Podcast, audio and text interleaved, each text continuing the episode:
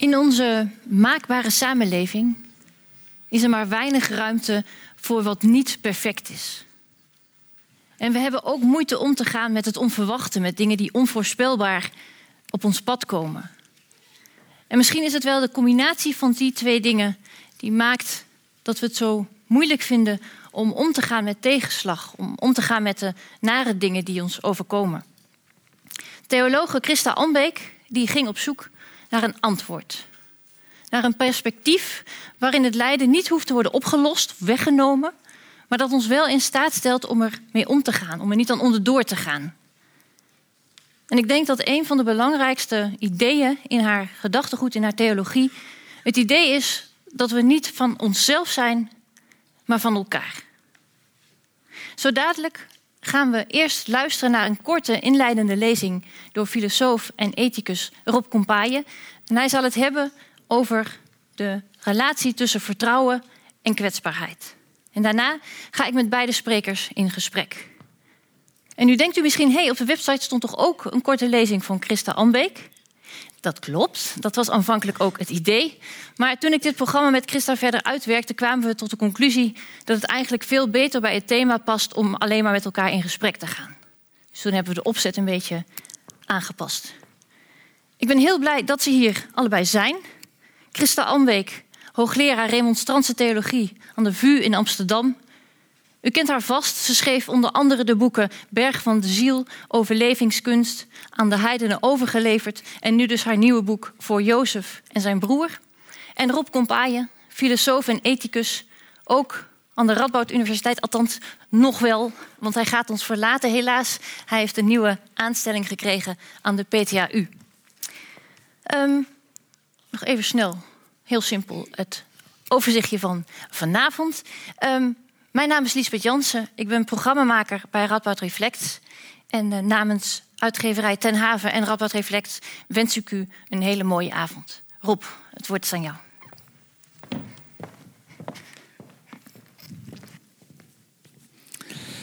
Uh, dankjewel, Liesbeth, voor uh, deze inleidende woorden. En nogmaals ook voor de uitnodiging om hier vanavond iets met jullie te kunnen delen rondom dit interessante en ook wel uitdagende onderwerp.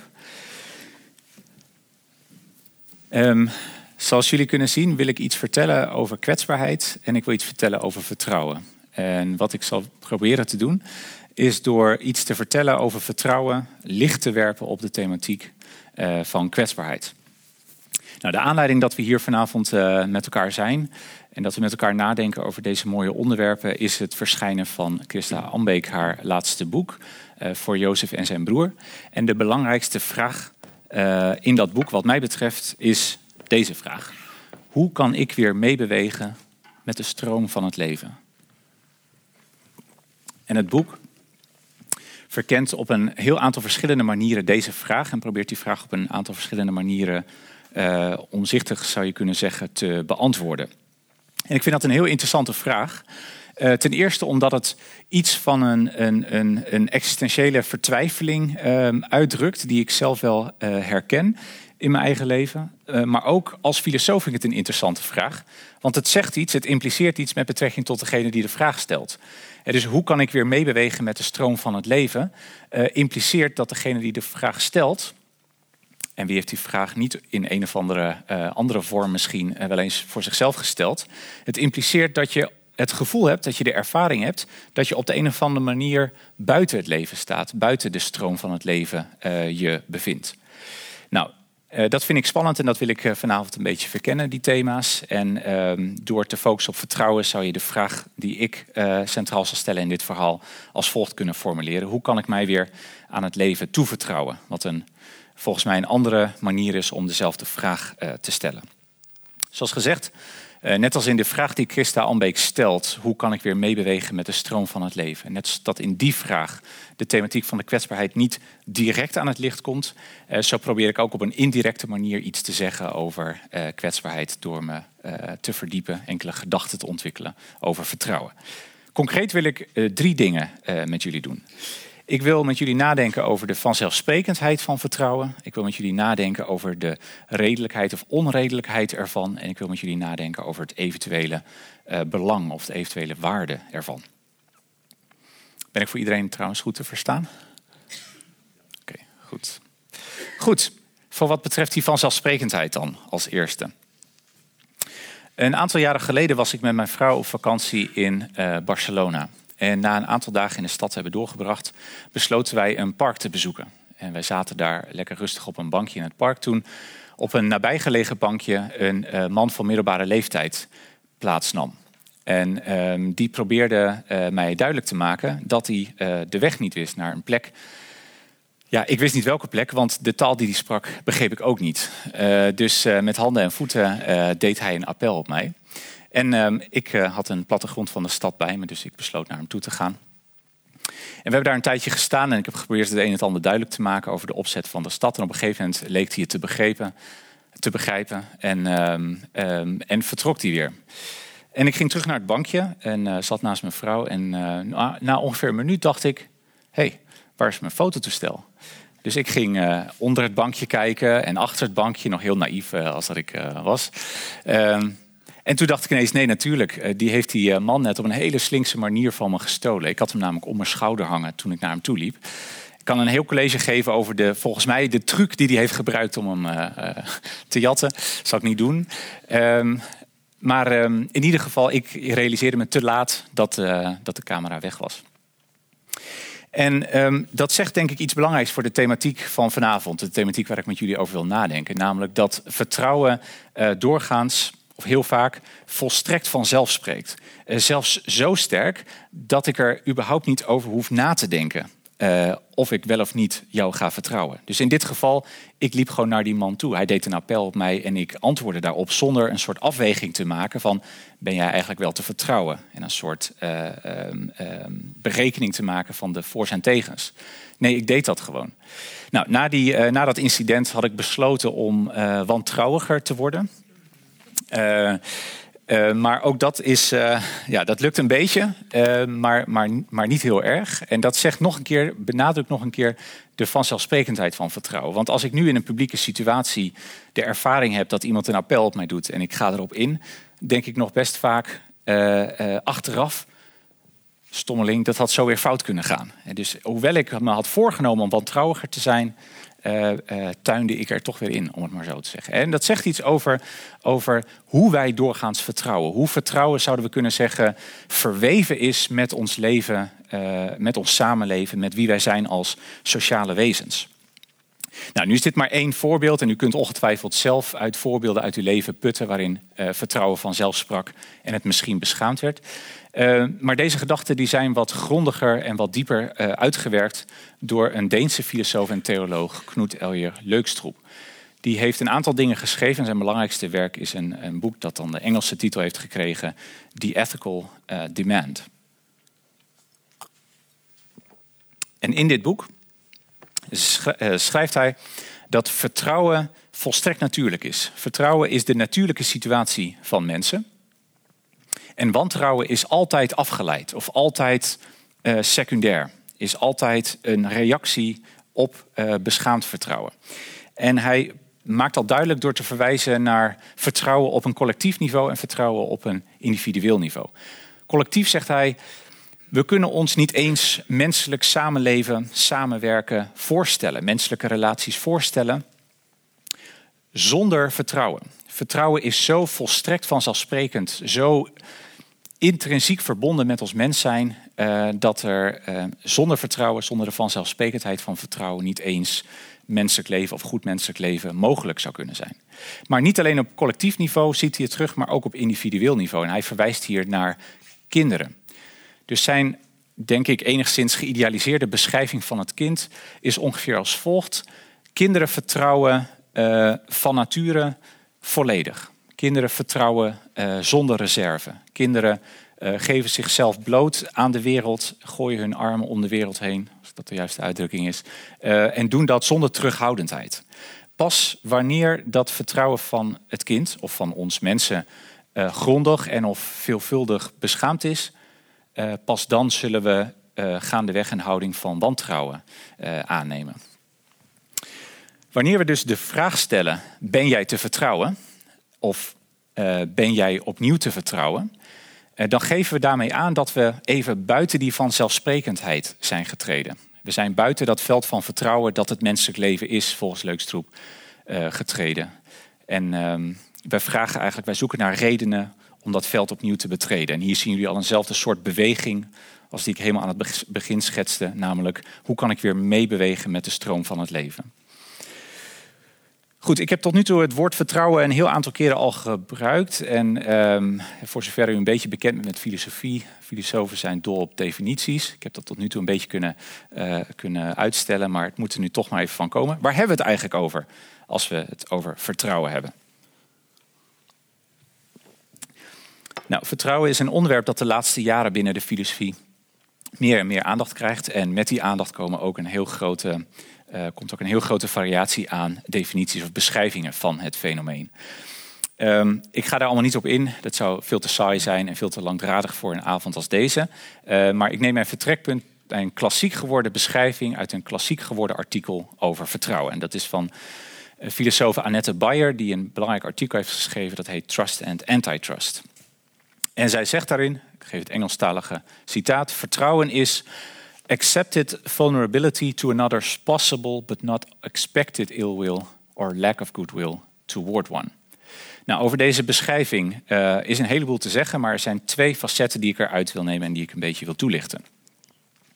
Uh, dat zijn de facetten dat het om uh, dat vertrouwen iets interpersoonlijks is en dat vertrouwen wezenlijk kwetsbaar is. Wat bedoelt ze met het interpersoonlijke ervan? Volgens Annette Bayer is vertrouwen wezenlijk thuis tussen mensen, tussen personen. En ik denk inderdaad dat we moeten zeggen dat dat klopt. Maar dat sluit volgens mij niet uit, zoals het soms voor haar wel lijkt uit te sluiten, dat we ook op betekenisvolle manieren over vertrouwen ten opzichte van andere zaken kunnen spreken. dus het, het, het is uh, ook betekenisvol om te spreken over vertrouwen hebben in de toekomst bijvoorbeeld, of over vertrouwen hebben in de techniek. Of over vertrouwen hebben in het leven of misschien vertrouwen hebben in God. Eh, de bergbeklimmer die een berg afdaalt, daarvan kunnen we zeggen dat hij vertrouwen heeft in zijn klimgerij. Hoewel vertrouwen thuis is tussen personen, hoewel het daar zeg maar zijn, zijn primaire betekenis heeft, kunnen we in afgeleide zin ook van vertrouwen over andere zaken spreken. En dat is wel interessant, denk ik, misschien straks voor het gesprek, om met elkaar na te denken over ja, wat, wat is vertrouwen in het leven eigenlijk? Hm, interessant. nog een keer, vertrouwen in het leven. um, het tweede is natuurlijk uh, vreselijk belangrijk voor, voor vanavond. Dus volgens Annette Bayer in dit artikel uh, zegt zij dat vertrouwen wezenlijk kwetsbaar is. En zij bedoelt ermee het volgende. Wanneer wij vertrouwen hebben, nemen we altijd een risico. We nemen altijd een risico, we kunnen altijd teleurgesteld raken. Wanneer we vertrouwen hebben, kan ons vertrouwen beschaamd worden. Wanneer we uh, vertrouwen hebben in iemand, kunnen we bedrogen uitkomen. Um, vertrouwen is op die manier uh, um, een, een, heel, een heel kwetsbare handeling. We geven onszelf over aan iemand. We geven onszelf bloot aan iemand. Um, Leukste zegt hierover, de verhouding omkerend. Als iemand ons vertrouwt, dan hebben wij in zekere zin, het zijn zware woorden, maar ik vind ze wel fascinerend. Dan hebben wij in zekere zin de macht over het leven van die ander. We hebben de macht om, het, om, om een bijdrage te leveren aan het, aan het opbloeien, aan het floreren van het leven van die ander. Maar we hebben tegelijkertijd de macht gekregen, de macht is ons overhandigd door het vertrouwen, om het leven van die ander kapot te maken.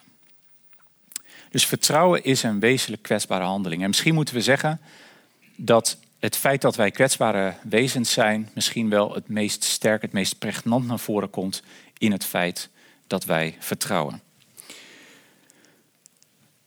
Goed. Vanuit deze gedachte wil ik nog iets zeggen over wat ik hiervoor eh, heb gezegd, namelijk over het afgeleide of het secundaire karakter van uh, wantrouwen.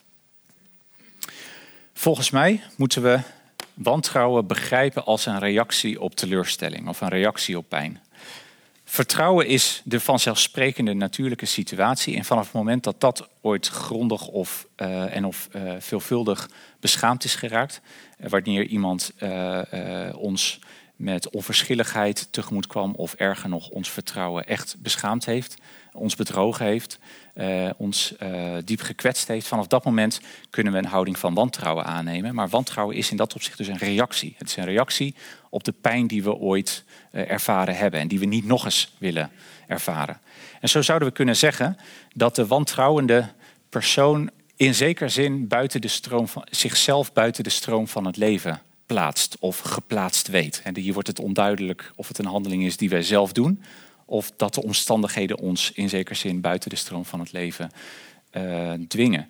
Uh, je zou het misschien zo kunnen zeggen dat wanneer we wantrouwen hebben, wanneer we dus eerst redenen, zekerheid misschien zelfs wel willen hebben over of iemand betrouwbaar is, Um, dat we alle risico's uitsluiten, om het maar zo te zeggen, uh, dan bevinden we ons in een ruimte buiten het leven die we misschien, zou je kunnen zeggen, delen met de scepticus en de cynicus. Um, en pas vanaf dit moment krijgt vertrouwen volgens mij het karakter van een keuze. Dus denk terug aan wat ik vertelde over de Barcelona-situatie. Uh, vertrouwen was daar geen keuze. En dat geldt denk ik voor heel veel van onze situaties. Maar vanaf het moment dat, dat we vertrouwen beginnen te ervaren of te voelen als een keuze, dat wil zeggen dat we eerst redenen willen hebben of argumenten voordat we de stap zetten naar het leven toe of naar de ander toe, of dat we onszelf overgeven naar de ander toe, uh, um, dan pas dan is het, heeft het een keuze uh, gekregen, een karakter van een keuze gekregen. Dat we ons buiten het leven bevinden en daar uh, weer naartoe willen. Goed, dat zijn enkele gedachten over de vanzelfsprekendheid van vertrouwen. In de tweede plaats zou ik iets zeggen over de redelijkheid of onredelijkheid uh, van vertrouwen. Uh, de vraag waar ik zojuist het vorige blokje mee afsloot, namelijk heb ik voldoende redenen of argumenten om er zeker van te zijn uh, dat jij te vertrouwen bent, is een eigenaardige vraag. En om die eigenaardigheid een beetje duidelijker te maken, ga ik eerst een paar andere dingen zeggen. Ik ga een moeilijk woord gebruiken. Um, vertrouwen is um, interessant vanuit een kennistheoretisch perspectief. Uh, dus dat heb ik dan hier maar even de epistemologische situatie, of de eigenaardige epistemologische situatie van vertrouwen genoemd. En daarmee bedoel ik het volgende. Volgens mij moeten we zeggen dat vertrouwen zich ergens tussen weten en gokken in bevindt, omdat ze betrekking heeft op zaken die we nog helemaal zeker weten, nog uh, waar we volstrekt onzeker over zijn. En misschien voelt dat intuïtief al wel, uh, al, wel, um, al wel sterk, maar ik zal toch proberen een beetje toe te lichten. Um, nou, ik kan gewoon een heel dom, triviaal voorbeeld geven. Als ik, als ik hier spring, ja, misschien, nee, laat ik het voorbeeld van de lichten gebruiken.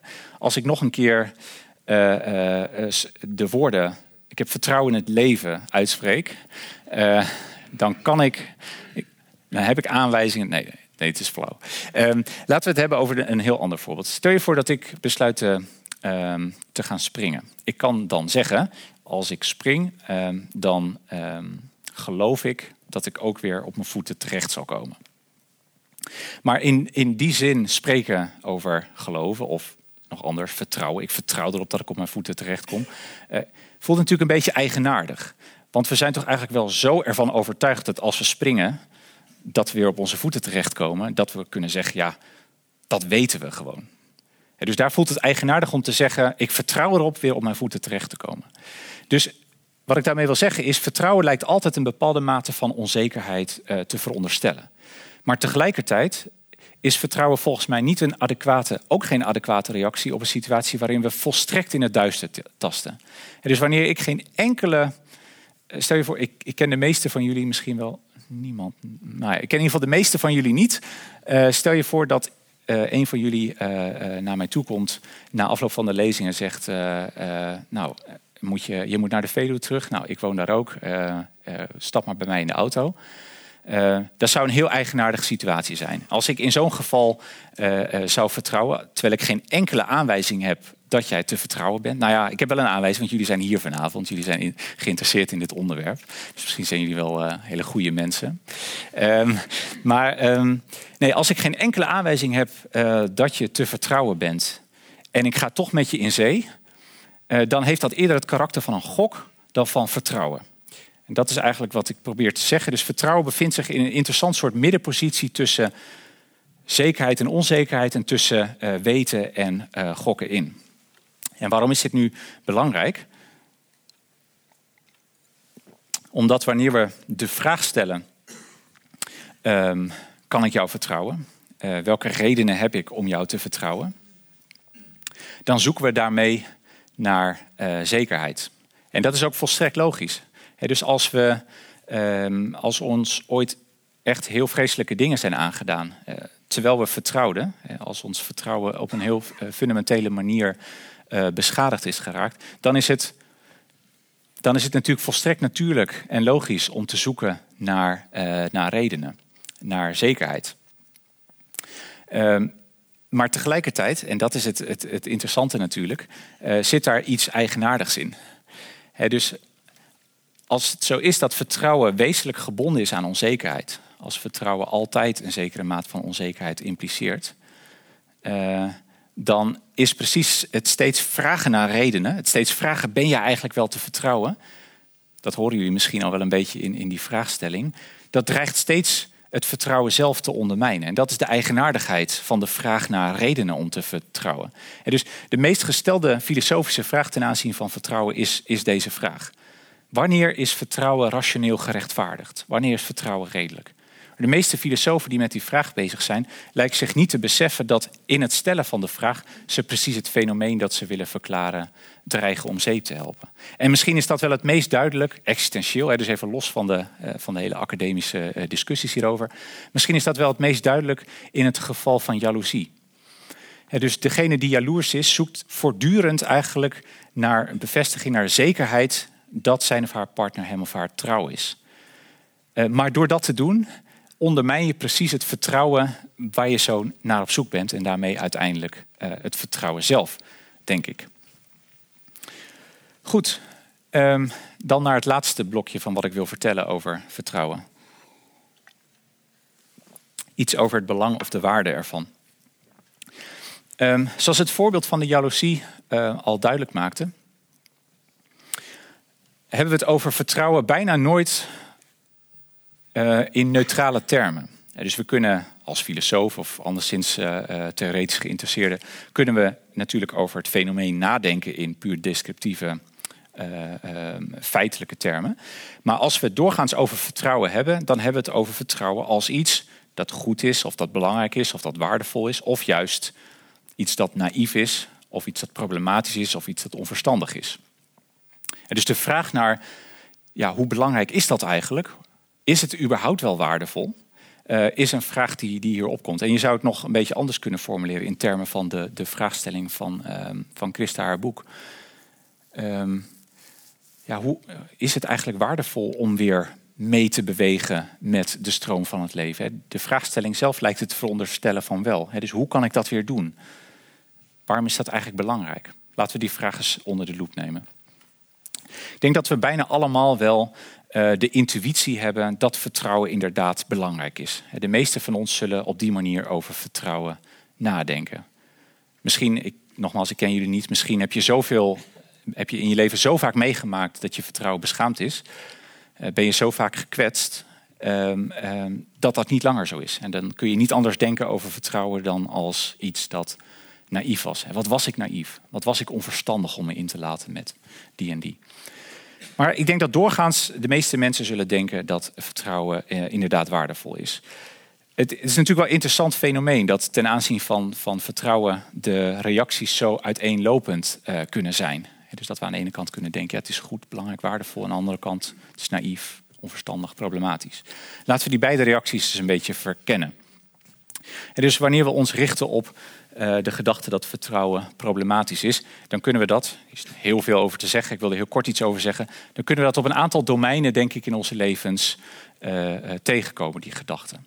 In de eerste plaats, en, en Lisbeth refereerde er al een beetje aan in haar inleiding, moeten we misschien zeggen dat er in onze cultuur zelf een manier van denken sluipt, zit, sterker wordt, misschien wel toeneemt, die die dit belichaamt. De gedachte dat vertrouwen iets, iets is dat problematisch is. En daarmee bedoel ik, er is volgens mij in onze cultuur en samenleving een heel sterke tendens om risico en onzekerheid zoveel mogelijk uit te sluiten. Om zoveel mogelijk facetten van het leven uh, te willen beheersen. Ja, als het zo is dat vertrouwen wezenlijk impliceert uh, een zekere onzekerheid, risico, dan verhoudt dat zich slecht tot elkaar. Dus het is heel goed voorstelbaar dat vanuit dat paradigma vertrouwen als iets problematisch, want naïef of onverstandig wordt gezien. Nou, heel kort iets over de filosofie. In de wetenschappen, misschien in het algemeen wel, maar in de filosofie in het bijzonder, denk ik, is er een heel sterk soort wantrouwen. En, en steeds um, kritisch door, uh, doorzien, kritisch doorvragen op die zaken waarvan we meenden dat ze juist waren. dus in de filosofie is het heel vaak de manier van denken ongeveer als volgt. Ja, oké, je denkt dit nu wel, je beredeneert dit nu wel, je voelt dit nu wel, je ervaart dit nu wel.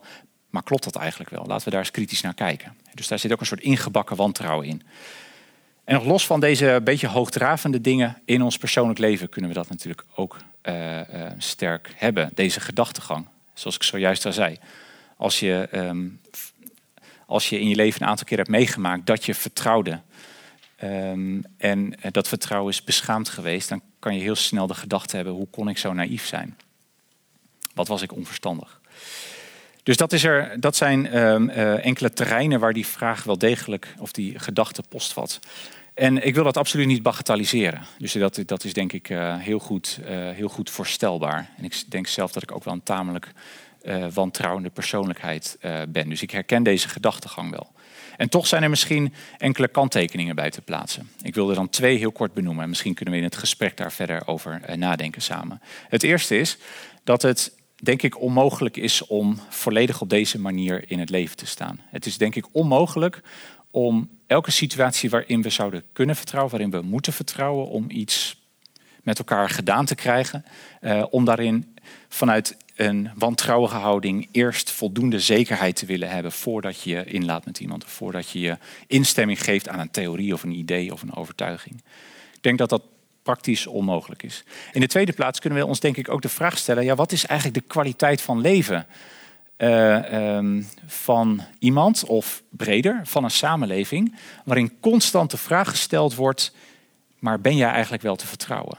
Ik wil eerst zekerheid, ik wil eerst uh, voldoende bewijzen hebben voordat ik me met jou, uh, met jou inlaat. Nou goed, dat zijn twee vragen. Misschien kunnen we daar in de discussie wat meer over zeggen. Dan wil ik tenslotte iets zeggen over de intuïtie of de gedachte dat vertrouwen wel degelijk waardevol is. Je zou kunnen zeggen, en dat is denk ik een perfect legitiem uh, punt. Ja, natuurlijk is vertrouwen waardevol, want zonder vertrouwen kunnen wij geen relaties met elkaar aangaan. Dus zonder vertrouwen is er niet zoiets als samenleven of samenwerken, of mooier nog, vriendschap of liefdesrelaties. Dat is allemaal niet mogelijk. En nu zou er hier iemand kunnen zitten die uh, die uh, filosofie heeft gestudeerd en dan denkt, ja, het is leuk die redenering, maar daarin heb je eigenlijk alleen maar laten zien dat vertrouwen belangrijk is als een middel om iets anders dat we echt van belang vinden, namelijk samenleven of vriendschappen of liefdesrelaties, mogelijk te maken. Dus zeg je niet op deze manier, ja oké, vertrouwen is wel waardevol, maar het is het alleen maar als instrument, alleen maar als middel. Maar ik denk dat dat niet klopt. Want als we nadenken wat we belangrijk vinden, wat we misschien wel van ultiem belang vinden in de vriendschappen die we hebben en in de liefdesrelaties die we kennen, uh, dan is dat voor een heel belangrijk deel ook uh, het vertrouwen dat daarin spreekt. Uh, het vertrouwen dat ik mijzelf bloot kan geven aan mijn partner zonder dat ik op mijn ziel getrapt zal worden, zonder dat ik op een muur van onverschilligheid zal treden. Dat vinden wij intrinsiek in de relatie waardevol technisch geformuleerd zou je kunnen zeggen, dat vertrouwen is constitutief voor het belang van die relatie uh, zelf. Um, dezelfde leukstgroep waar ik het een aantal minuten geleden eerder over had, die heeft nog um, een wat speculatiever idee over de waarde van vertrouwen. En daarmee uh, wil ik afsluiten. Dus volgens leukstgroep is vertrouwen uiteindelijk van ultiem belang, omdat we in het vertrouwen, in vertrouwen, het leven zelf heiligen hij gebruikt die term niet, maar zoiets klinkt erin door. En hij werkt dat, eh, die gedachte in eerste instantie op een negatieve manier uit. Komt een citaat.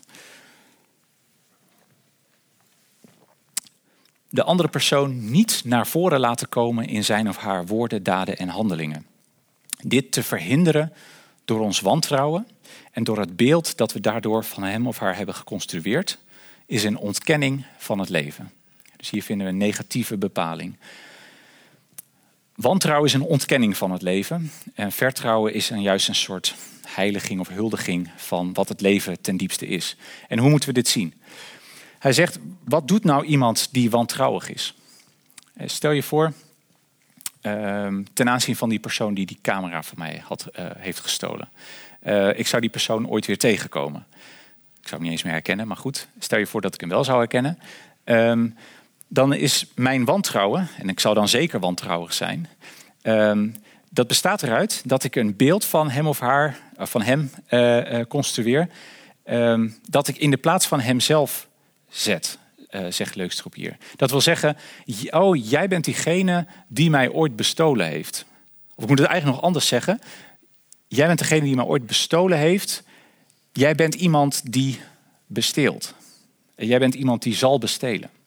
Wat ik doe in wantrouwen ten aanzien van andere personen, is iemand reduceren uh, tot een bepaalde uh, gedachte of een bepaald idee, dat dan vaak met, aan pijn gekoppeld zit. Oh, ja, jij bent degene die mij bedrogen heeft. jij bent iemand die bedriegt. Jij bent iemand die mij zal bedriegen. Wat je daarmee doet, zegt Leukstrop, en waarom het kwalijk is, is dat je het leven zelf ontkent.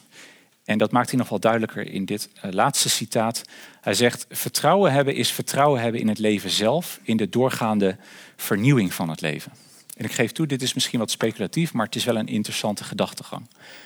Wanneer we iemand wantrouwen, um, geloven we niet langer dat iemand iemand anders kan zijn geworden. Dat iemand nieuw kan zijn geworden. Uh, dus, dus in het leven zelf zit een impuls om, het, om zichzelf steeds te vernieuwen, zegt Leukstrop. En dat vinden, treffen we in de mens aan in de zin van wij, wij proberen steeds onszelf uh, te vernieuwen. We proberen niet langer degene te zijn die we geweest zijn. En in het wantrouwen pinnen we juist iemand vast uh, op wie hij of zij geweest is. En vertrouwen is in dat opzicht een soort huldiging of een heiliging van het leven. Het is het leven laten stromen omdat je erop vertrouwt dat iemand werkelijk nieuw, werkelijk anders kan zijn geworden. Dank je voor jullie aandacht.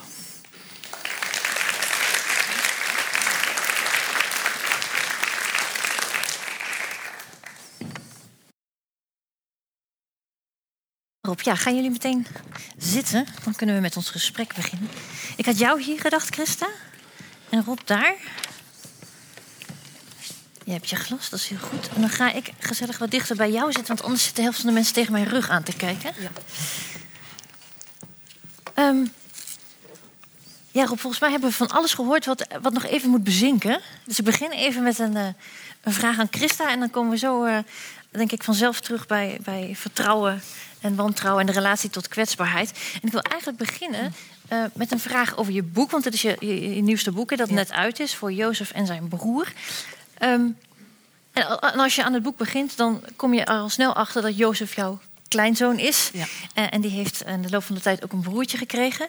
Um, en tegelijkertijd verwijst de titel ook naar een Bijbelverhaal. Althans, u begint uh, met een citaat uit Thomas Mann over Jozef en zijn broers.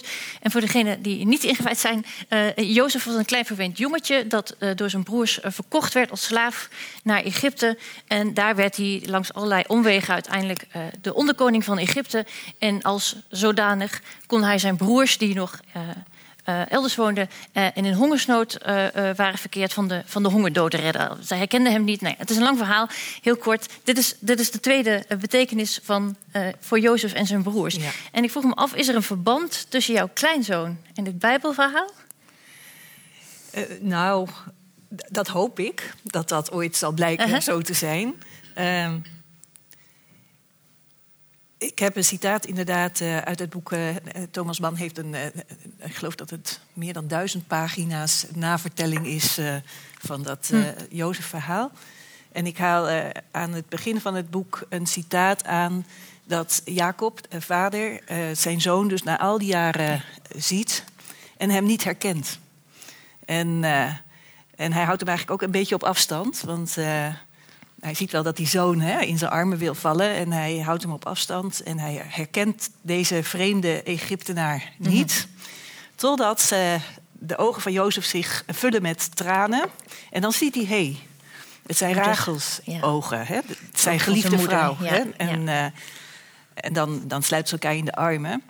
En ehm, ja, daarmee heb ik eigenlijk met dat citaat een heel belangrijk thema uit het boek eh, naar voren willen halen. Namelijk dat mensen die je lief en uiterst dierbaar zijn, Mhm. dat het leven zo kan lopen dat dat vreemdelingen worden die je niet Ja. eens herkent. Maar andersom ook. De vreemdeling die je niet herkent, Uh-huh. is misschien wel veel meer nabij dan je ooit eh, zou vermoeden. Dus dat, dat spiegel. eh, Kun je van dat laatste een voorbeeld geven? Ehm, ja, nou in het boek haal ik. eh, ik, ik vind het bijna vervelend om dat te noemen, omdat het zo'n clichébeeld is geworden. Hm. Maar dat jongetje dat op het Griekse strand is Oh, ja. aangespoeld. Ja, die Ja. kleuter van drie jaar. Ja. En eh Jozef, eh, mijn kleinzoon, was toen ook drie. En eh, hij is een, een eh, half gekleurd jongetje. Ehm, dus hij heeft zwarte piekhaartjes. En hè, dat kind lag daar op zijn knietjes op het Mhm. strand en leefde niet meer. En, en natuurlijk was het niet Jozef, gelukkig niet. En tegelijkertijd was dat beeld, hè, het pakte mij direct Ja. van... Hey, Dat had hij ook kunnen zijn in een juist. andere situatie. Ja, en het is de ogen waarmee je kijkt, eigenlijk zei jij het net ook, gaat over vertrouwen of wantrouwen. Van hoe kijk je naar de ander? En eh, ja, dus zeg maar, degene die je percipieert als anders en vreemd, Mhm. is, ja, is ook dichtbij. ja, want je noemt je kleinzoon in het boek ook herhaaldelijk de vreemdeling, hè? Ja. Ja, dat is van, vanuit diezelfde gedachte. Ja, nou kijk, dat is natuurlijk ook een soort van een manier om te schrijven. Want ik heb wel. Het boek heet Voor Jozef en zijn broer. En er zijn heel veel kleine verhaaltjes, vooral over Jozef. Zijn broer komt alleen nog maar in de epiloog voor, Ja. want eh, die was er nog helemaal niet. En, eh, maar ik, ik wilde niet alleen een boek over mijn kleinzoon schrijven, maar ik, hij is een soort prototype voor wat dat kind in mijn leven is gaan betekenen, voor welke vraag hij mij stelt. Eh, voor een heel vreemd element. hè. Ik ben eh, jarenlang met dood en verlies en tekort bezig geweest. En hij komt daar ja, er dwars doorheen met vreugde en plezier. Dus eh, hij is op heel veel manieren een, een vreemdeling in mijn bestaan. En dwingt mij om ja, zelf daarmee ja, een, een nieuwe koers te zoeken. ja. Ja. Dus eigenlijk zijn er twee kanten van kwetsbaarheid. De, de, de negatieve, van die verlies, maar ook de positieve. Ja, dat is heel grappig, want dat is ook diezelfde spiegel hè, op een andere manier. Maar dat eh, eh, een jong kind is inderdaad ook. Hè, dat is een andere kant van de kwetsbaarheid dan die kwetsbaarheid waar ik al jaren over schreef. Ja, Maar het gaat eigenlijk over die, diezelfde dimensie van het bestaan. Ja. Dat wat je niet zelf maakt of in handen hebt, wat je toevalt. eh, de ene keer in de vorm van groot verdriet en verlies. Ja. En de andere keer in de vorm van geluk en Ja. nabijheid. ja. Ja, je zei net zelf al, je hebt behoorlijk wat te verwerken gehad eh, in je, in je eigen leven. Het overlijden van diverse eh, familieleden en een partner. Ehm, heb je nou het idee dat, even aansluitend bij de lezing van Rob, eh, dat je hebt moeten vechten tegen, om daar niet wantrouwig van te worden, bijvoorbeeld? Ah, nou, in verschillende periodes van mijn leven zeker, ja. Dat, nou, kijk, ik was... dus dit boek is behoorlijk autobiografisch... omdat ik een paar jaar terug een burn-out kreeg. En eigenlijk opnieuw zo'n gang moest maken door mijn eigen leven heen. Hè? Van hoe komt het dat ik nu buiten het hele bestaan dreig te vallen? Ja. En eh, niet meer mee kan doen. En hoe, hoe kom ik dan weer zo... Ja, niet per se dat ik mee kan doen in, in het succes van deze Nee. samenleving... maar wel, hoe, hoe kan ik mij weer meer gaan toevertrouwen aan het bestaan? En... ehm, Ja, toch is dat interessant. hè, Want je zegt van, oh ja, dat was eigenlijk niet zozeer mijn hoofdmotief. Ik wilde niet per se eh, succesvol en, en, en meegaan in de red race of de. ehm, en toch is dat, jij noemde het ook, hè, het is wel een heel belangrijk iets voor, denk ik, heel veel mensen op dit moment. Dat je het gevoel hebt enorm onder allerlei soorten van druk te staan, van prestatiedruk te staan. Kun jij daar iets. Nou ja, ik kan wel even terugblikken blikken op ons gesprekje zojuist tijdens het, tijdens het eten. Dus wij, wij, ehm, ik sprak uit dat ik het zo interessant vind dat deze lezing eh, uitverkocht is. Ik zie nog wel wat lege plekken, maar dat jullie toch met... Oh, sorry, dat mag ik eigenlijk niet zeggen. Eh, dat jullie toch ehm, dat jullie met zoveel hierop afgekomen zijn. En we, we, we dachten met elkaar wat na over wat de motieven geweest kunnen zijn. En ehm, dat menen we inderdaad toch als een soort rode draad te zien. Dat zo'n thema als kwetsbaarheid, of zeg maar de gebrokenheid van het leven, of de rafelige randjes ervan, juist heel interessant en indringend kunnen zijn in een context waarin er steeds zo sterk sprake is van eh, ambitie en, en scoren en, eh, Ja. en noem het maar op. Ja. Misschien kunnen we wel heel even, want straks komen we sowieso nog terug hè, bij u voor, voor uw eigen vragen. Maar misschien kunnen we heel even kort mensen handen op laten steken.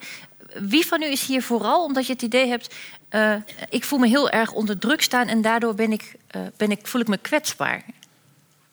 Dat is wel een kwetsbare vraag. Het is eh, een kwetsbare ook nu. vraag. Ik weet Ja. het. Ik weet, oké, laat de lampen ook maar uit. Doe maar niet.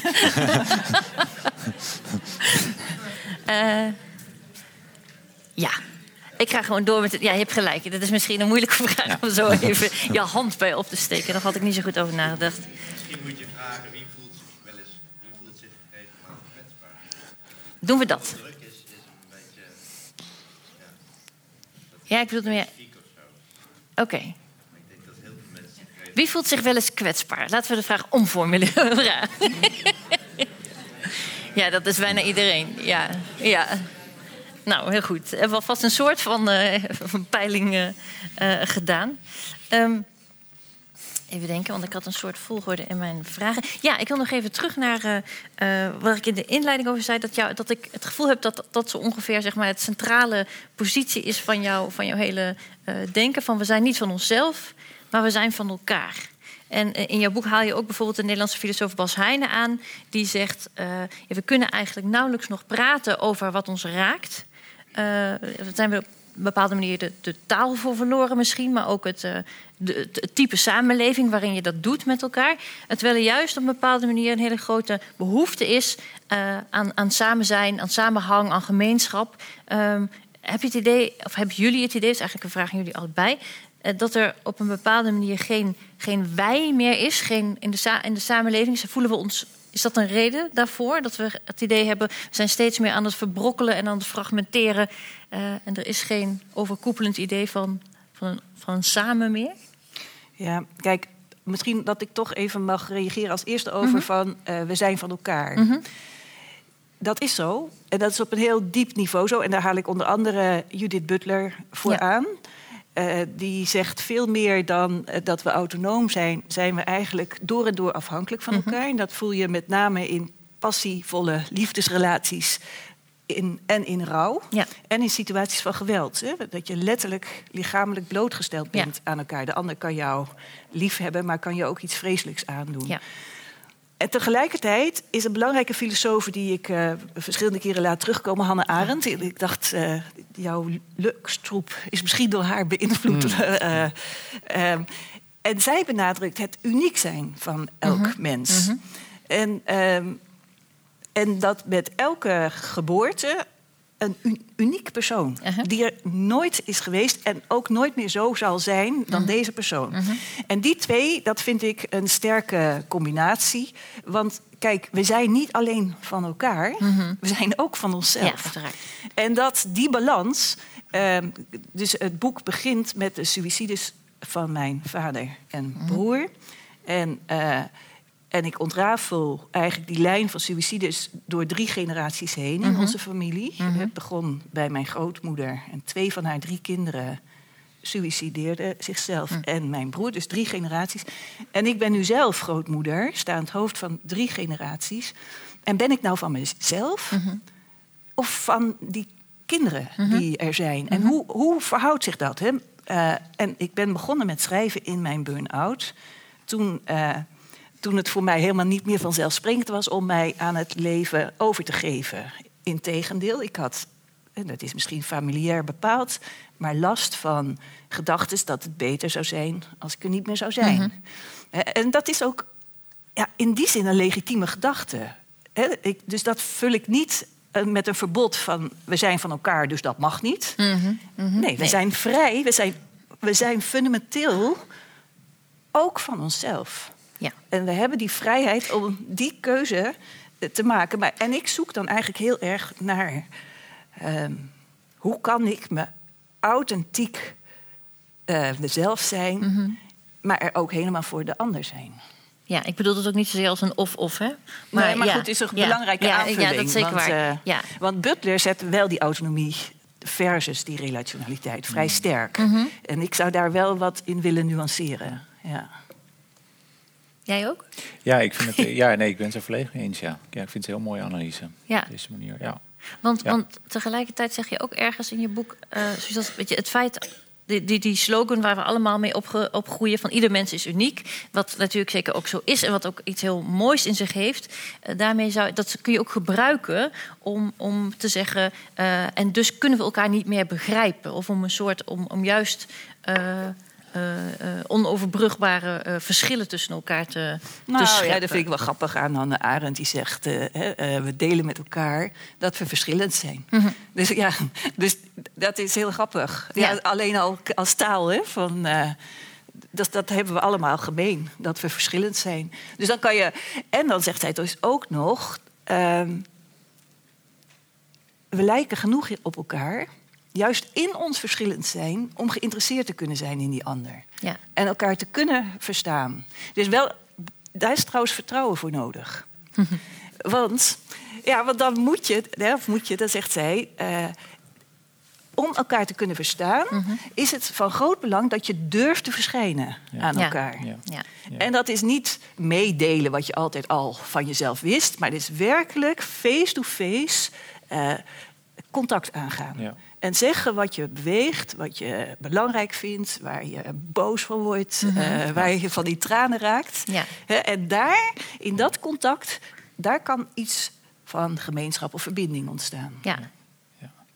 Ja, misschien is daar ook de, de, de vraag belangrijk in. Althans, ik vroeg me die af toen ik naar jouw lezing luisterde erop. Van vertrouwen, dat is iets inherents of iets primairs. En wantrouwen is iets wat daarvan afgeleid is als je vertrouwen beschaamd raakt. Ehm, zou je ook kunnen zeggen dat we op bepaalde momenten in ons leven misschien kunnen kiezen voor vertrouwen? In de zin van dat je denkt. Nou, ik weet nog dat ik op. Ik moest eraan denken toen je vertelde over die meneer die jou uh, voortitstel had gestolen. Dat mij ooit eens een keer iets soortgelijks is gebeurd. Samen met een uh, goede vriend. En toen nou, iemand. Nou, heeft ons min of meer bedrogen. En dat we daarna tegen elkaar zeiden... en de volgende keer doe ik het weer. Hmm. En niet natuurlijk bij deze man. Ja. Omdat ik niet wil dat het vertrouwen wint van het... Ja. Van het, uh, het Ja. andersom, dat het wantrouwen het wint van het vertrouwen. En dat je het bij de volgende keer in een soortgelijke situatie denkt... ja, die meneer zegt wel dat hij hulp nodig heeft... Maar eigenlijk wil hij gewoon uh, mijn geld aftrokken. Ja, dat is, dat is heel interessant. Ja. Dat is een interessante weergave van het dilemma.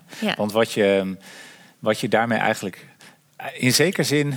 In zekere zin zeg je iets onmogelijks mee. Dus dat, dat, maakt het wel, dat maakt het interessant. Dus inderdaad, ik denk dat we kunnen, uh, ervoor kunnen kiezen om wantrouwig te zijn of om uh, te vertrouwen. Mhm. Dat er op een gegeven moment die keuze naar voren komt.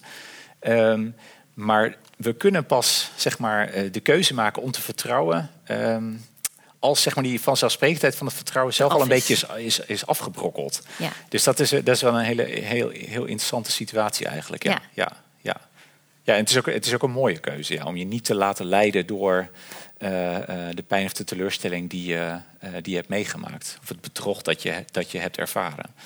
Ja. Ja, het is inderdaad ook, is, herken jij dat ook zo van kiezen voor vertrouwen? Dat doe je pas op het moment dat je het eigenlijk al een keer verloren bent? Dat dat dan pas een Ja, optie maar wordt? dan zou voor, voor mij kiezen is dan misschien um, te activistisch. Hmm. Omdat ik denk Ja. um, met. Um, als echt uh, groot uh, het vertrouwen op een, een grove manier geschaad is. Hè, Ja. En Mhm. om uh, op hele wezenlijke Mhm. momenten in je leven. Dan uh, heb je vaak. Dat, ik heb tien jaar als geestelijk verzorger in de psychiatrie gewerkt. Dan heb je die keuzevrijheid lang Ja, niet altijd nee, meer. nee. Hè, dan, dan moet er eerst heel veel genezen. Mhm.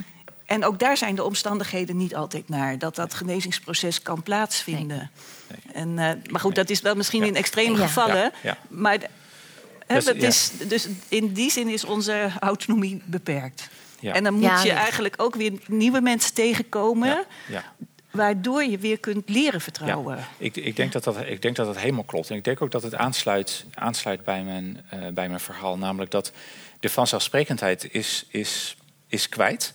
En er is heel veel eerst nodig om om, eh, om vertrouwen mogelijk te maken. Maar dat vertrouwen zal misschien nooit meer het karakter van een vanzelfsprekendheid eh, terugkrijgen. Dus als er dan eh, sprake kan zijn van vertrouwen, dan, dan zal het nog steeds, ver- vermoed ik, iets van een keuze-element in zich hebben. In de zin van ehm, ja, de verschillende dingen. de, de- ik heb nu een aantal nieuwe mensen ontmoet die, die hebben mij eh, wel goed behandeld eh, toen ik mij aan hen overgaf. Dat geeft me misschien een minimum aan om zeg maar in het vervolg eh, wel weer een keer die, die stap te zetten. Maar ik, ik snap het beginpunt eigenlijk heel erg. En dat is een vraag die ik, die ik die opkwam als ik die mag stellen, Ja. Lisbeth. Ja. eh, tijdens het lezen van het boek. Want dit is precies een heel interessant punt. Eh, namelijk de verhouding tussen activiteit en passiviteit met betrekking tot dit soort thema's. Dus wat mij fascineert aan dit boek is ehm, dat aan de ene kant eh, er zo'n vraag in zit van hoe kan ik weer meebewegen met de stroom van het leven.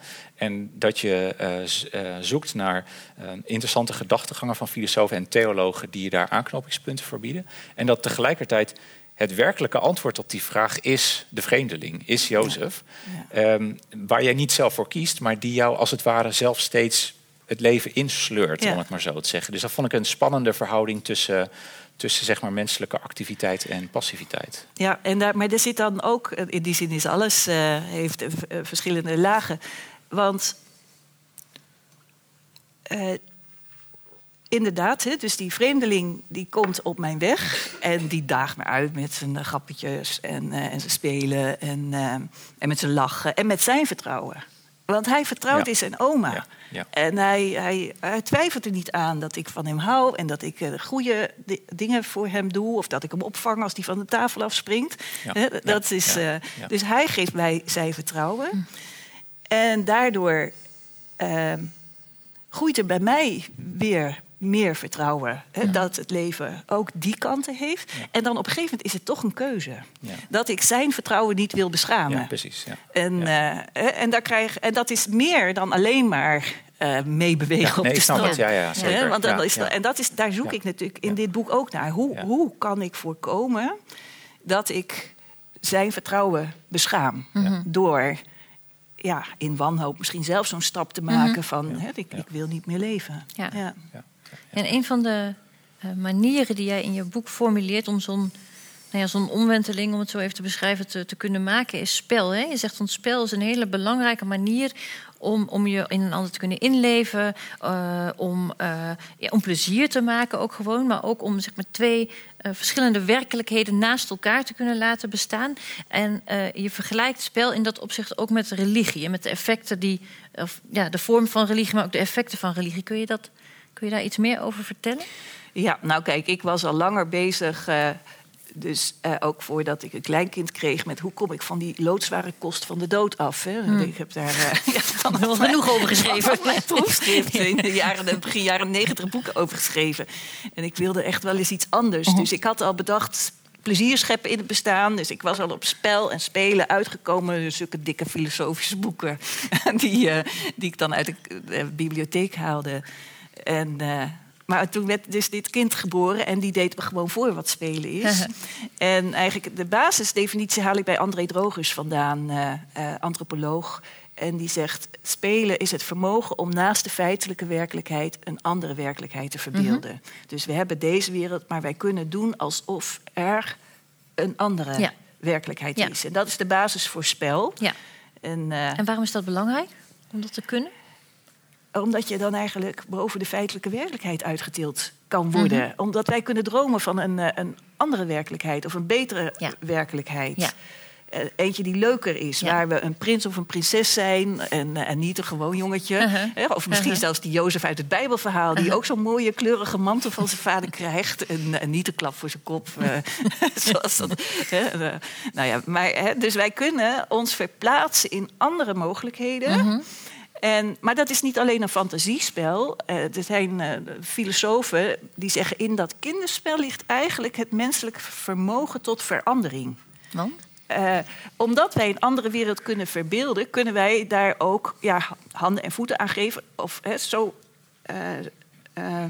die wereld gaan bouwen. En dan Ja. heb je het over een hele wereld... maar het gaat eigenlijk over creativiteit en nieuwe dingen bedenken. Gewoon in je eigen kleine leven. Ja, ja. ja. of in de techniek of in de wetenschap. Ja, ja, in feite is spel en verbeelding de basis van creativiteit en verandering. Mhm. En dat is heel leuk. Ik heb er natuurlijk boeken op uitgezocht. Hè, van, eh, maar dat toch echt verschillende filosofen dat kinderspel als de basis pakken. Mhm. En, eh, en dan het samenspelen ook. Dus je hebt eigenlijk, wil je een beetje inge- ge- ingenieus spel spelen... Mhm.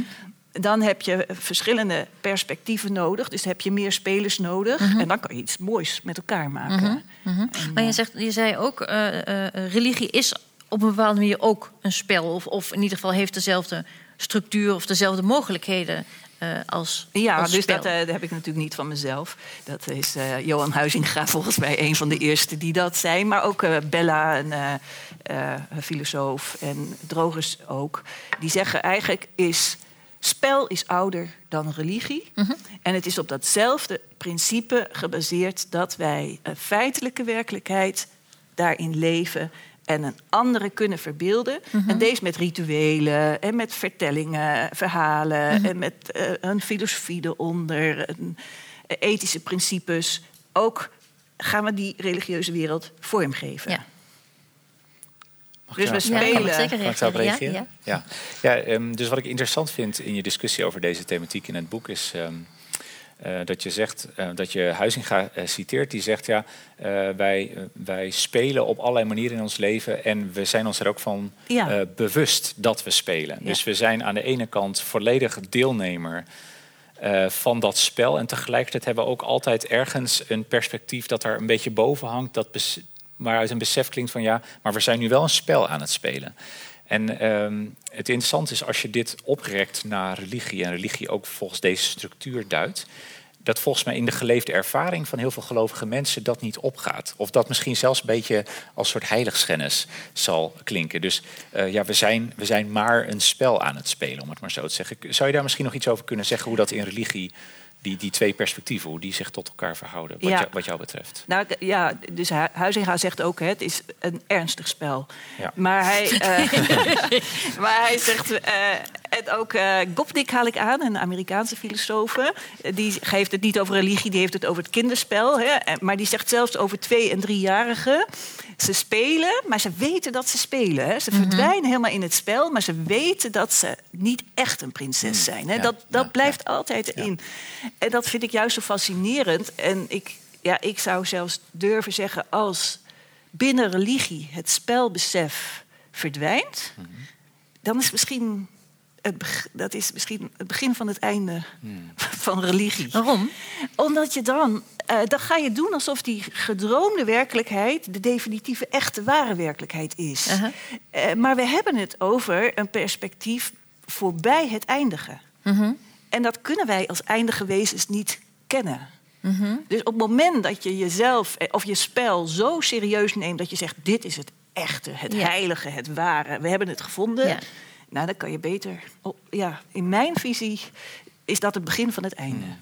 En volgens mij zie je dat ook in veel religies. Omdat je Eh, dan ook de, de functie of de, de, de mogelijke helende werking van spel verliest. Ja, maar ook dan krijg je bijvoorbeeld. de- ja,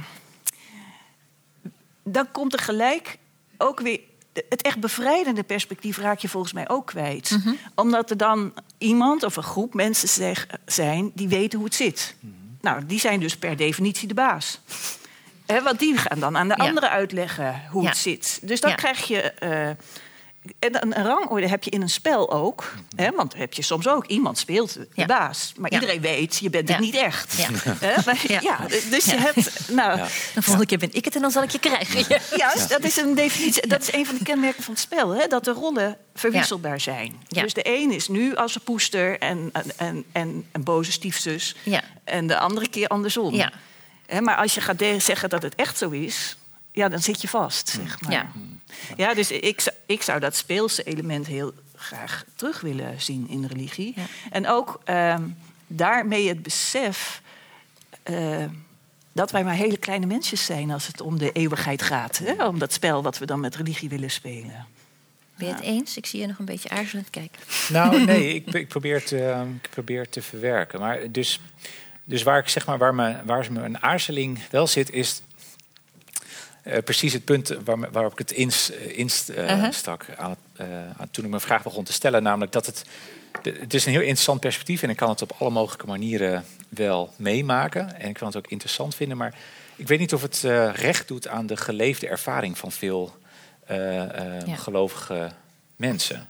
Want het, ver- het veronderstelt wel een bepaalde, bepaald vermogen, een bepaalde capaciteit. Om, om tegelijkertijd hier in deze, bij deze mis of bij deze dienst aanwezig te zijn en daarin zeg maar volledig in mee te gaan. En tegelijkertijd het besef ook te kunnen hebben, een overstijgend besef van ja, maar we zijn hier weliswaar op een heilige manier, op een ernstige manier, toch aan het spelen of aan het verbeelden.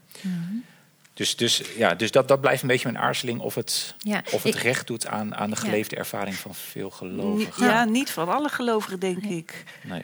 Nou, dat hoeft, natuurlijk, dat hoeft ook niet. Maar, maar als er heel veel buiten de boot vallen, dan wordt het. Dan wordt het Nou ja, ik, ik vroeg me eigenlijk ook af, als je ervan uitgaat dat we in een toch eh, min of meer seculiere samenleving leven en mensen dus en zeg maar de mogelijkheid nou ja, van, van het spel in religie niet meer hebben, maar mensen ook steeds minder spelen. Dus dat hoor je ook veel eh, filosofen eh, en sociologen zeggen. Van hey, mensen zijn steeds meer alleen nog maar taakgericht en doelgeoriënteerd. En, en we- er is zo weinig ruimte meer om voor, voor een beetje losheid en een beetje spel. Wat, wat verliezen we dan precies? Als we niet meer kunnen spelen, op welke, op- in welke vorm dan ook. Hè? Dus we hebben de kerk, we gaan, de kerk en de religie hebben we niet meer. Maar we spe- spelen ook niet meer op een andere manier. Ja, ik denk, maar goed, dan, eh, omdat vanavond jij dat element van vertrouwen inbrengt. Mhm. Ik denk dat dan uiteindelijk eh, het vertrouwen in het leven op het spel staat. Ja? Ja, dat denk ik. je, je moet toch niet aan denken dat je alleen maar deze werkelijkheid hebt, waarin je zo keihard moet werken en waar je het dan misschien niet kan bijhouden en of net niet slim genoeg bent om de top te bereiken. Of, Mhm. eh, eh, Dus we hebben eigenlijk nog een soort extra laag nodig. Waarin we even uit onze ja, Ja, alledaagsheid kunnen stappen. Om even lucht te scheppen en iets anders te ervaren. Ja, om toch bezig te blijven. Kijk, dat is, je noemde net Bas Heijnen, Mhm. van, eh, met die vraag. Niet al, hè, dat zegt hij letterlijk. eh, het is niet de vraag wie we zijn, Mhm. maar de vraag wie willen we zijn. Ja. Hè, wie, en, en dan niet alleen maar ik als individu, maar ook wij met elkaar. Ja. En om met die vraag bezig te kunnen zijn, wat, wat drijft ons? Wat, wat, waar willen we naartoe? Mhm. wat, hoe zouden we willen dat de wereld is eh, waar kleine kinderen in opgroeien? Om die vraag de ruimte te geven, heb je die verbeelding en het spel nodig. Ja. En, en dus ook tijd en ruimte en rust om op een speelse Ja. manier met dit soort vragen bezig te Ja. zijn. Ja. Ja. Ja. Dus dan is het spel eigenlijk niet zomaar eventjes van hè, hè, even bijkomen van de volle dag. Nee. Maar het spel is een wezenlijk element ja. om te kunnen leven. En wat voor spel zouden we dan kunnen gaan doen? Ja, we hebben een spel gemaakt. Ja, je hebt een spel gemaakt. Dus dit boek werkt naar een dialoogspel. En het wordt ook letterlijk, ik heb hier het foldertje liggen, het ligt zo meteen op de boekentafel. Kijk. Dus ik heb jarenlang met studenten gewerkt aan een dialoogmodel. Waarin kwetsbaarheid en ontregelende ervaringen. Dus, eh, de- en dat mag positief zijn, een hevige verliefdheid. Mhm. Of eh, eh, zo meegenomen worden door de natuur dat je jezelf helemaal vergeet. Mhm. Eh, maar het kunnen ook negatieve ervaringen zijn. een groot verlies. Ja. Of het boek wat ik met Ada de Jong schreef, die haar man en drie kinderen verloor. Ja. Ontregeling, kwetsbaarheid, die ervaringen zijn het uitgangspunt. En de zoekvraag van het spel, het is eigenlijk een soort. ik denk niet dat het te zien is. Het is een soort eh, reis door bergachtig landschap. En de vraag is: wat laat zich nu als van waarde zien, juist in die ontregeling en kwetsbaarheid. En hoe komen we dat op het spoor? En hoe kunnen we dat belangrijke, wat in die momenten opdoemt, maar als het leven zijn gang weer vindt, vaak ook weer een beetje ondersneeuwt onder de waan van de dag. Hè, hoe kunnen we dat met elkaar opsporen en koesteren en mee ons leven laten bepalen? En waarom is het een spel? Want het klinkt eigenlijk, een, zoals je het nu omschrijft, klinkt het gewoon als een discussievorm. Nee, het is een soort uitwisseling. Het is, het is letterlijk als een soort. eh, het, het, het, het lijkt een heel klein beetje op eh, qua structuur op eh, de mindfulness eh, trainingen. Dus het Mhm. heeft zeven bijeenkomsten en met elke keer een ander thema. Dat je eigenlijk met elkaar onderzoekt wat brengt kwetsbaarheid en ontregeling, wat in onze samenleving zo naar de marge wordt gedrongen, als we daar nou echt met elkaar omheen gaan staan. Mhm. Wat ontdekken we dan? Wat we niet ontdekken als we maar in die red race eh, ja. richting burn-out blijven Ja. draaien. Hè? Of, Ja. of als de burn-out zich hersteld heeft. Ja, ik zit er al, Ja. nou niet weer in een burn-out, maar wel in die red race, zeg maar weer. Dus het is in die zin een spel dat je zegt... ja, ik heb het uitgewerkt, onder andere dus met de Huizinga.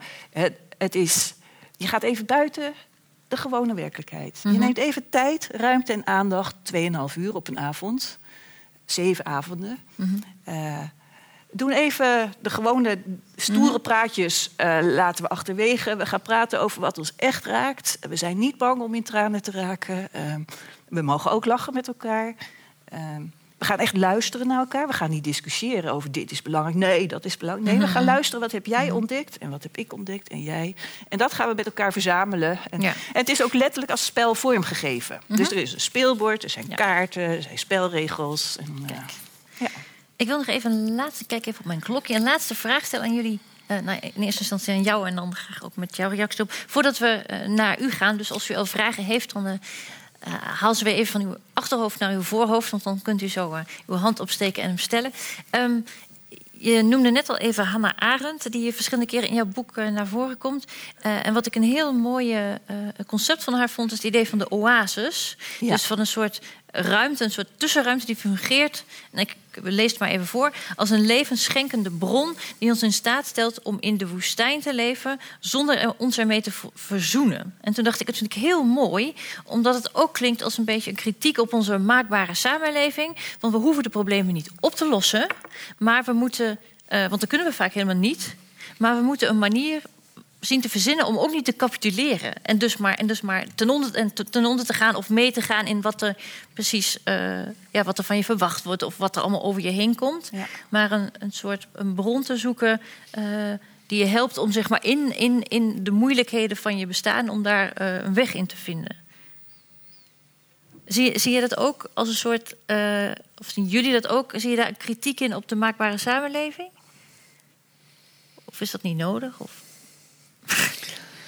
Ja, nou, ik word, ik- nou, dit is gewoon een kleine persoonlijke ontboezeming. Ik word altijd ehm, wel een beetje kriegel van, zo'n heel, van een heel sterk cultuurkritisch perspectief. Ik heb me Aha, er zelf ook aha. een beetje aan, aan gewaagd Aha. eh, net eh, door er iets over te zeggen. En want er zijn dingen die we natuurlijk, die we terecht denk ik van onze samenleving of cultuur kunnen zeggen dat een heel sterk ideaal van maakbaarheid is. Maar ik vind dat een beetje spannend om dan zeg maar daar te veel in te gaan somberen van het is allemaal niet meer wat het geweest is en we raken alles kwijt. En, dus dat vind ik ingewikkeld. Maar de gedachtegang, eh, de gedachtegang vind ik mooi. Maar ik zou hem wel graag, ik zou hem wel graag nog wat tastbaarder willen hebben. Dus ik vind de, ik vind de, de, de zin of de frase heel mooi. Maar Misschien het moeten we hem dan persoonlijker maken. Ik bedoel niet op jou Ja. persoonlijk, maar Ah, dat het niet zozeer ja. een cultuurkritiek is of een Ja. samen hè, k- k- kritiek op onze maatschappij.